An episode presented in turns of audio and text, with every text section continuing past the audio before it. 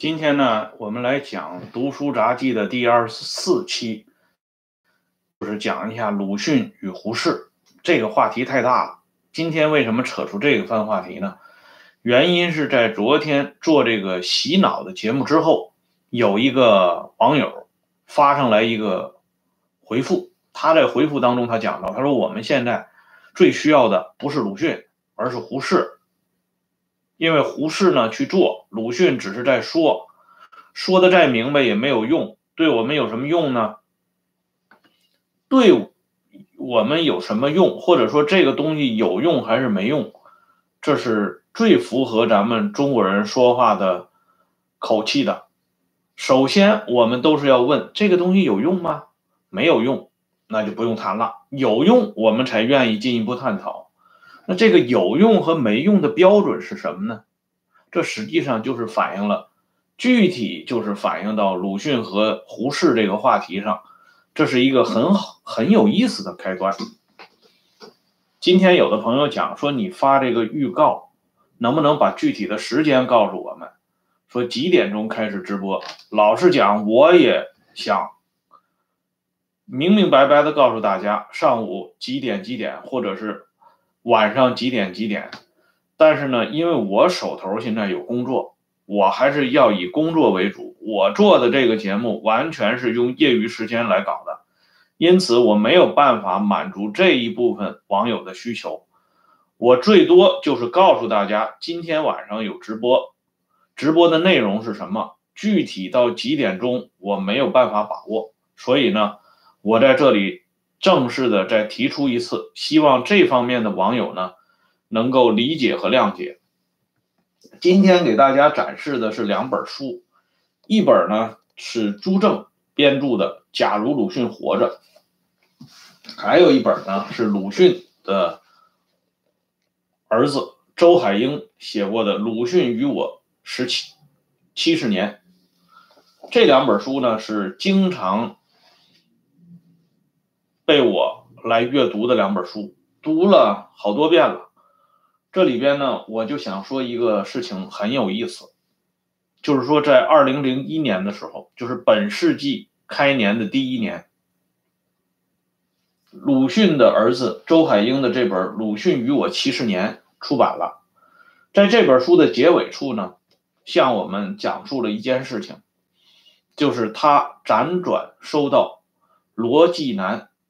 就是原名陈小航，这个罗纪南老先生留下的一个口碑资料，就是在一九五七年的时候，罗纪南同毛泽东之间有过一个对话，就是罗纪南问毛泽东，假如鲁迅还活着，他会怎么样？然后呢，这毛泽东呢回答的非常直率，他的原话是说呢，鲁迅要么识大体。就是要么是顾全大局不说话，要么是进了班房，无非这两种可能。后来呢，担任了中央文献研究室的负责人之一的陈进，这个人呢是专门代表官方意志来研究毛泽东的这么一个人，噼里啪啦的写了很长的一篇文章，实际上就是在论述毛没有说。这种话，可是呢，随着这个围绕着这个罗纪南先生的这个口碑资料，陆续浮现了诸多当事人以直接或者间接的方式证实了毛确实说了这番话。而且我们讲，毛有没有说这一番话是一回事儿，而鲁迅假如活到一九四九年之后。他的境遇到底是怎么样，又是另外一番事儿。事实上呢，我们可以看到的是，虽然历史是不能假设的，因为鲁迅没有活到一九四九年以后，可是我们能够看到的实际情况是，凡是鲁迅欣赏的这些人，当时围绕在鲁迅身边一些青年文人啊，表露出一些真的属于人的性情的这些文人。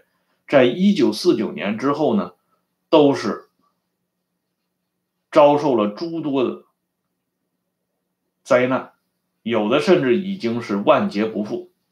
相反呢，鲁迅生前非常反感的几个人，比如说著名的四条汉子周扬、夏衍、田汉、杨汉生，他们一度都是春风得意，而且在一九四九年之后呢，他们真的就像鲁迅预预测的那样，周扬做了奴隶总管，夏衍做了军师，田汉是跳梁小丑，杨汉生呢是帮闲文人。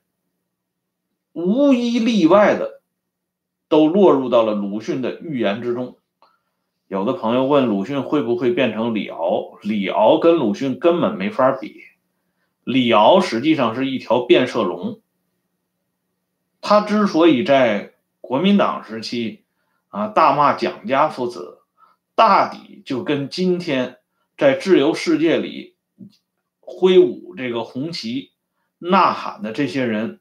没有实质性的差别，所以不要以为李敖坐过牢啊，这个人就是骨头变硬了，不是这么回事儿。这个人说到底就是个投机文人。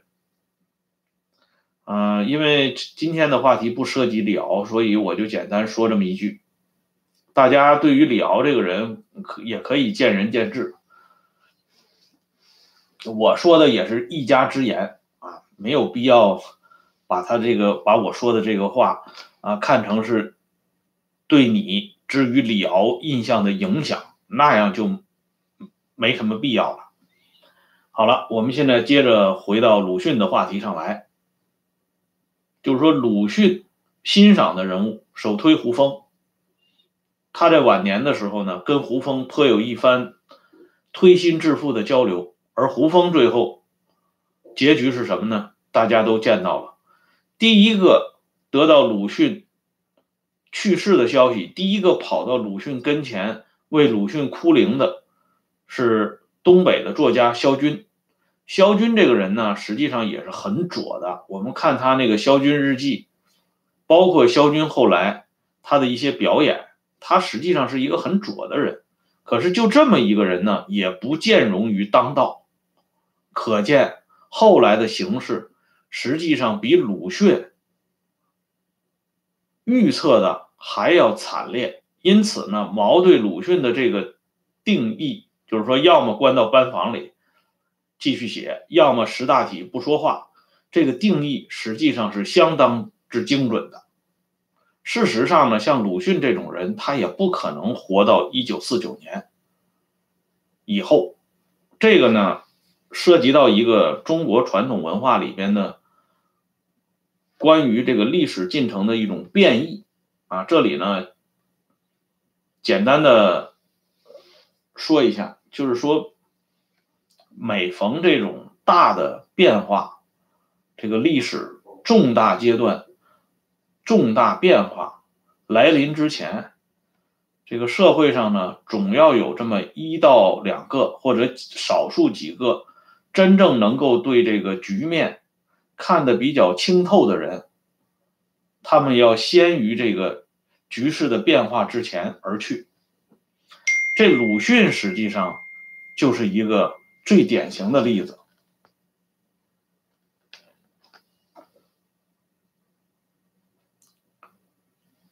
一九三六年，鲁迅去世，而下一年呢，我们都知道，一九三七年发生了七七事变。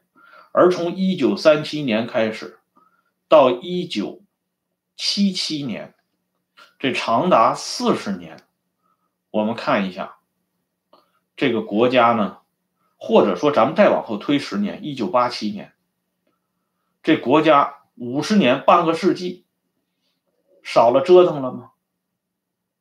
如果再把这时间再往后推，一九八七年。再推三十年，到二零一七年，一九三七年到二零一七年，这八十年啊，咱们中国少了折腾吗？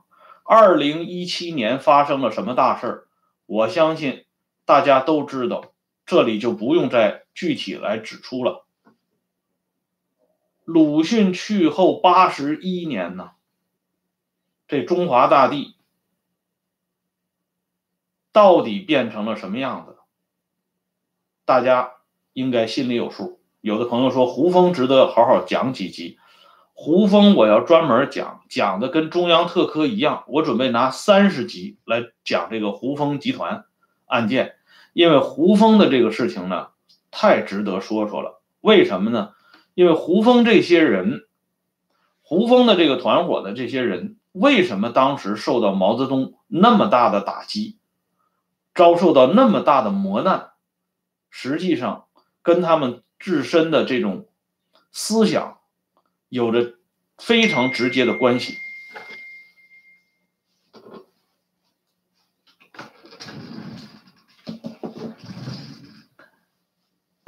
我研究胡风啊，可以说好多年了。当初呢，高真义高先生在的时候，我们两个人就曾经探讨过周扬和胡风的。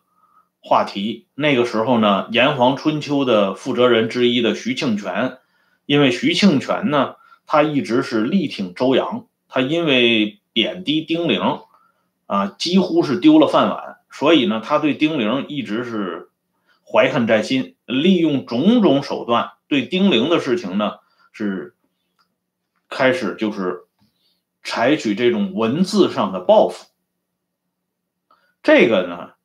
说实话，徐庆全的这种做法让我感到非常不值。这不值不是值得的值啊，就是这个古汉语里边就是看不上他，瞧不起他。你作为一个文学史的研究者，如果你不能拿出一点公正客观的态度，你就不要去谈、去研究。你那不是研究，你是给某人立家谱。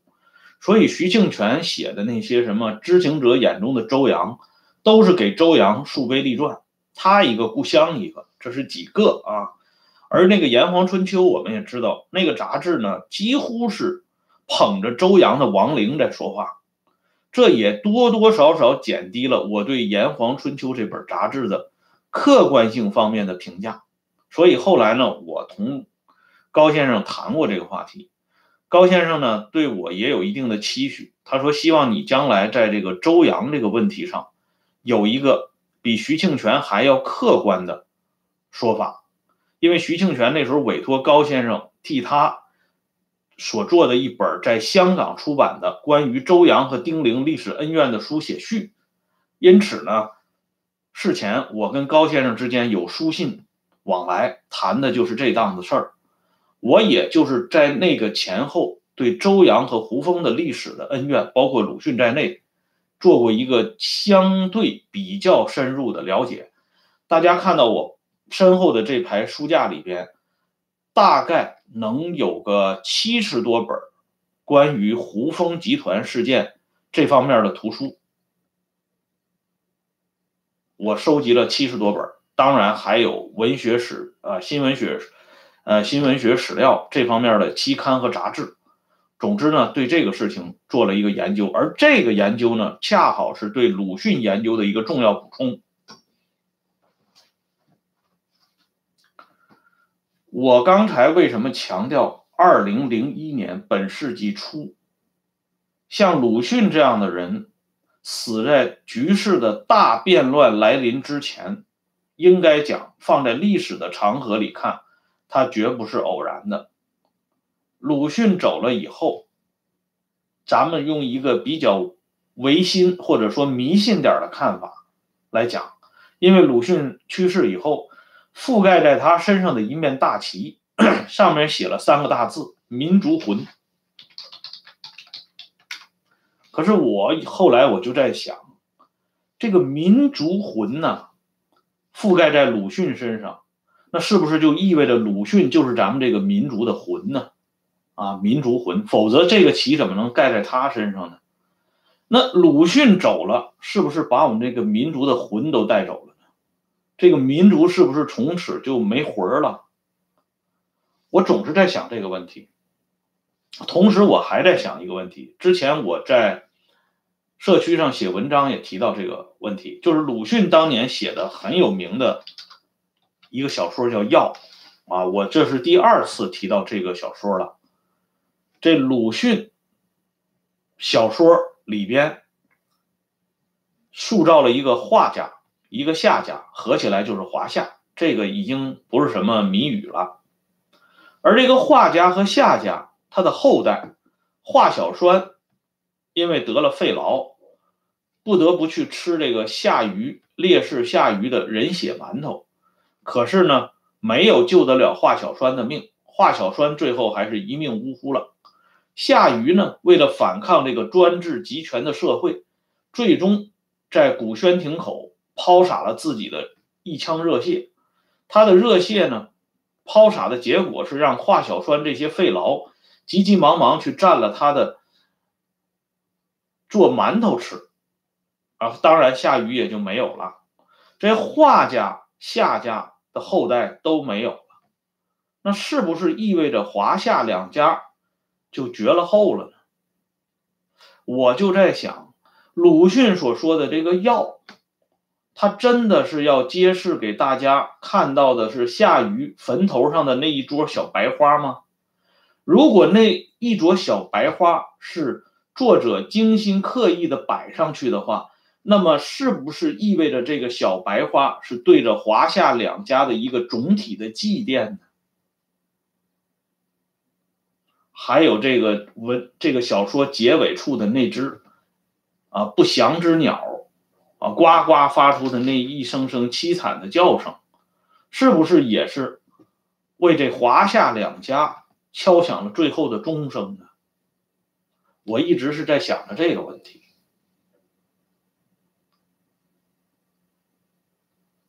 当然，这个问题呢，我也没想明白。这就是为什么今天。我把这个东西提出来，给大家说一下，希望大家呢一起也帮我想一想这个事情到底是怎么回事所以我特别喜欢鲁迅的这个小说《药》，而现在网上经常说的一句话“药不能停”，我觉得这句话恰到好处的为这个《药》的小说点了题儿。真的是药不能停，真的是有了病了的，而且这病还真病得不轻。鲁迅的这副药，应该是非常准确的扎到了这个痛处，但是呢，鲁迅没有说出来，这个药是药到病除，还是无可救药。这就像刚才我提出的那个疑问一样，这是永久留在我脑海里边的一个问号。所以呢，我也希望大家来帮我想想。这就是引出了我今天要讲鲁迅和胡适的话题。鲁迅实际上应该说是上个世纪以来，这个世纪就不用说了，这个世纪很多事儿就不用探讨了。鲁迅可以说是上个世纪以来。中国众多人当中，特别是知识分子当中，看待中国、看待中国这个民族、这个社会最为精准的一个人，可以说他是把中国和中国人看透了。他早年留下的那些文字、灯下漫笔等等，那真是一针见血的说出了中国社会的顽疾和中国人身上的劣根性。这也就是为什么到了本世纪，鲁迅的作品被忙不迭的从教科书当中予以清除，因为鲁迅说的东西与当下的一些现象一经对比，就会发现这真是十足的讽刺。而且鲁迅的东西呢，往往是发人深省，引发人们的众多的思考。换句话说，猪狗牛羊。是不配有思考的，奴隶也罢，奴才也好，最麻烦的就是你要思考。奴才和奴隶一旦思考，主子就会不高兴的，因为你们一旦陷入了沉思，那么主子的地位就会受到危机。因此呢，鲁迅的东西还是不读为妙。鲁迅对于中国的看法。实事实上，就我来看，总结简单一点，很简单。鲁迅就认为没戏了，基本上是没戏了。所以呢，鲁迅最后对于中国的研究，实际上就是他本人来讲，他也陷入了一种绝望，只是他也没有办法面对着这个绝望想出更好的途径。鲁迅后来呢？有人会提到，那鲁迅怎么跟这个左联啊、左翼作家联盟他们搞到一起了？那是鲁迅失足的地方。鲁迅这个人，无一例外，他也不是完人。他的诸多缺点，我们日后在做鲁迅专题的时候都会一一道来。这个人在生活上的缺点，啊，在行事作风上的缺点，包括他在思想上的偏差，都要提到。思想家不是完人，他的思想有闪光的地方，也有灰暗的地带，这是无可否认的。可是呢，鲁迅的晚年关于左翼运动，他是有过沉思的，有过不同于外间所宣传的思考的。比如说，周海婴提到了一个杨继云，这个我我在之前的节目里边也给大家讲过这个杨继云。周海婴说：“杨继云身上有两个秘密，一个是他从不向人展示鲁迅写给他的一个条幅，他以所谓怕别人认为他属于自抬身价，所以呢拒绝向大家展示这个条幅。再一个秘密呢，就是鲁迅生前与杨继云谈过许多看法。”其中也包括中国共产党夺取政权和执政后的一些分析和估计。这些内容呢，据周海婴回忆，杨先生直到最后也一直不肯讲出来。想来，鲁迅应该不是跟杨继云探讨的构建和谐社会、发展小康生活、创建新时代、走进中国梦。他肯定探讨的不是这些内容，否则的话，杨继云会在第一时间讲出来，这是给执政党脸上贴金的事儿。他为嘛不讲呢？他没有讲出来，可见鲁迅说的这些话，应该是不能公布于众的。而另外一个呢，据这个李继野说过一件事儿，三六年呢。李济也从英国回来，他到上海去看望鲁迅。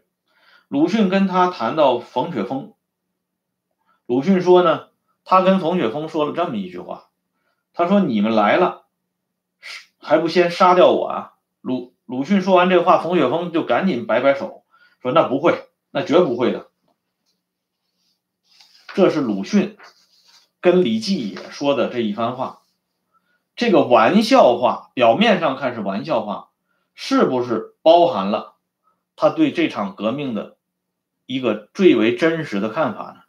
后来到了一九三四年四月三十号，鲁迅在给曹巨人的信中说到这样一句话，他说：“倘当崩溃之际，敬上幸存，当起红背心儿，扫上海马路儿。”这就后来我们经常说的。鲁迅要讨一件小红马甲去扫上海的大街。这扫上海大街的人，我们都知道黄金荣吧？啊，鲁迅跟他区别的就是他穿了一件红马甲。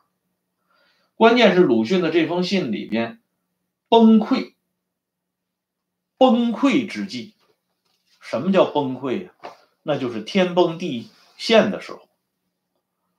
他没有把这革命的到来看成是胜利，而把它看成是崩溃。就这个看法，本身也代表了鲁迅对这个社会未来走向的一种最真实的表达。鲁迅的意思就是崩溃。胡适在这点上，我认为要比鲁迅聪明的多。这个聪明是加引号的，这也就是为什么胡适在今天比鲁迅要讨人喜欢，因为胡博士呢。这个人说话很和缓，从来不疾言厉色。最主要的是，他向中国人开出了一个药方，就是说，如果咱们这个社会想变好，我们可以学西方，可以向向西方讨教，特别是向这美国来讨教。我们把这脑子里的东西都换成美国的东西，这样呢，我们这个社会是有出路的。他给大家带来了一丝希望，带来了一点儿阳光啊！更主要的是给大家指明了一条路。这就是有的人所说的，你看鲁迅只会说，人家胡适会做。问题是，这脑袋能嫁接吗？谁听说过这把这脑杨子就给换掉了？有吗？昨天有人还在网上探讨中国的传统文化，儒家讲的是做官。道家讲的是混日子，墨家讲的是种地，法家讲的是整人，而实际上儒法表面上有争执，其实是沆瀣一气，沆瀣一气，对吧？因为做官你要不整人，你能做官吗？想做大官就得大量的整人，整到极致你就当上皇上了，就这么简单。所以鲁迅说那话是很准确的，吃人。你这传统文化说白了就是吃人两个字。你在一个吃人的传统文化里，你能找到一条走向民主自由的道路吗？这不是新鲜事儿吗？然后你说你在吃人的文化里去跟人家西方的这种东西来进行嫁接，那你希望嫁接出什么样的果实呢？所以呢，胡适的聪明就在于他看透了，却没有说破。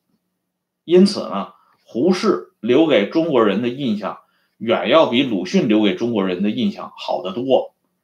特别是在摆脱了那种官方的指定和说教之后，人们似乎觉得这胡适更接地气，更和蔼可亲。殊不知呢，这鲁迅和胡适说的是一码事儿。鲁迅就像一个。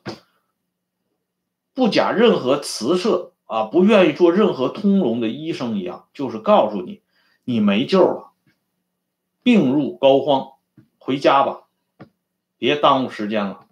这胡适呢，戴着眼镜，挂着听诊器，啊，给你一通乱听乱摸之后，告诉你，不用着急，该吃啥吃啥，该喝啥喝啥，把心情放平静。完事儿，那你要知道，一般对人说，你想吃点啥就吃点啥吧，想喝点啥就喝点啥吧，这其实也就是医务人员对这个患者的临终嘱托呀。其实他们俩都是看到了最大的问题，只不过胡适更愿意说一个善意的谎言而已，所以。我最后这个节目，在节目最后，我想说的是什么呢？就是鲁迅和胡适，他们是同出一辙的，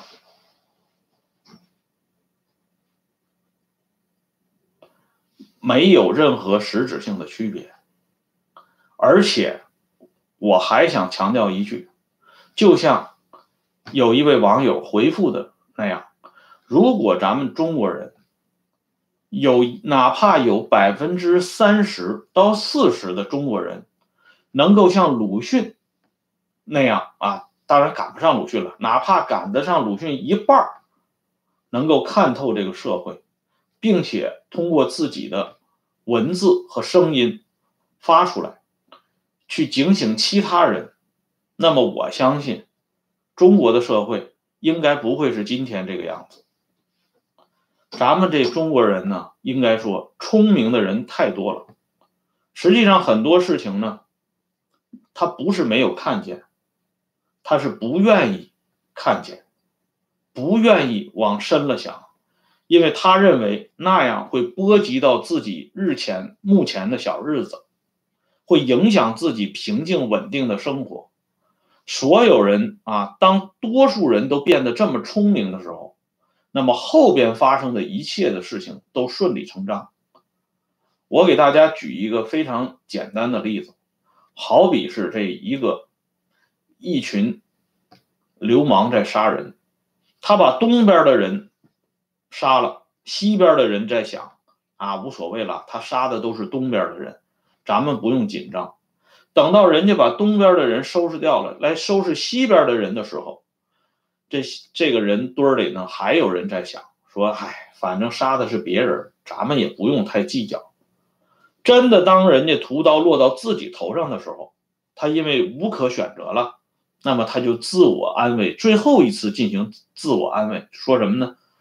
反正也逃无可逃了。再说别人也是这样的下场，啊，这也就可以理解了，就这么简单，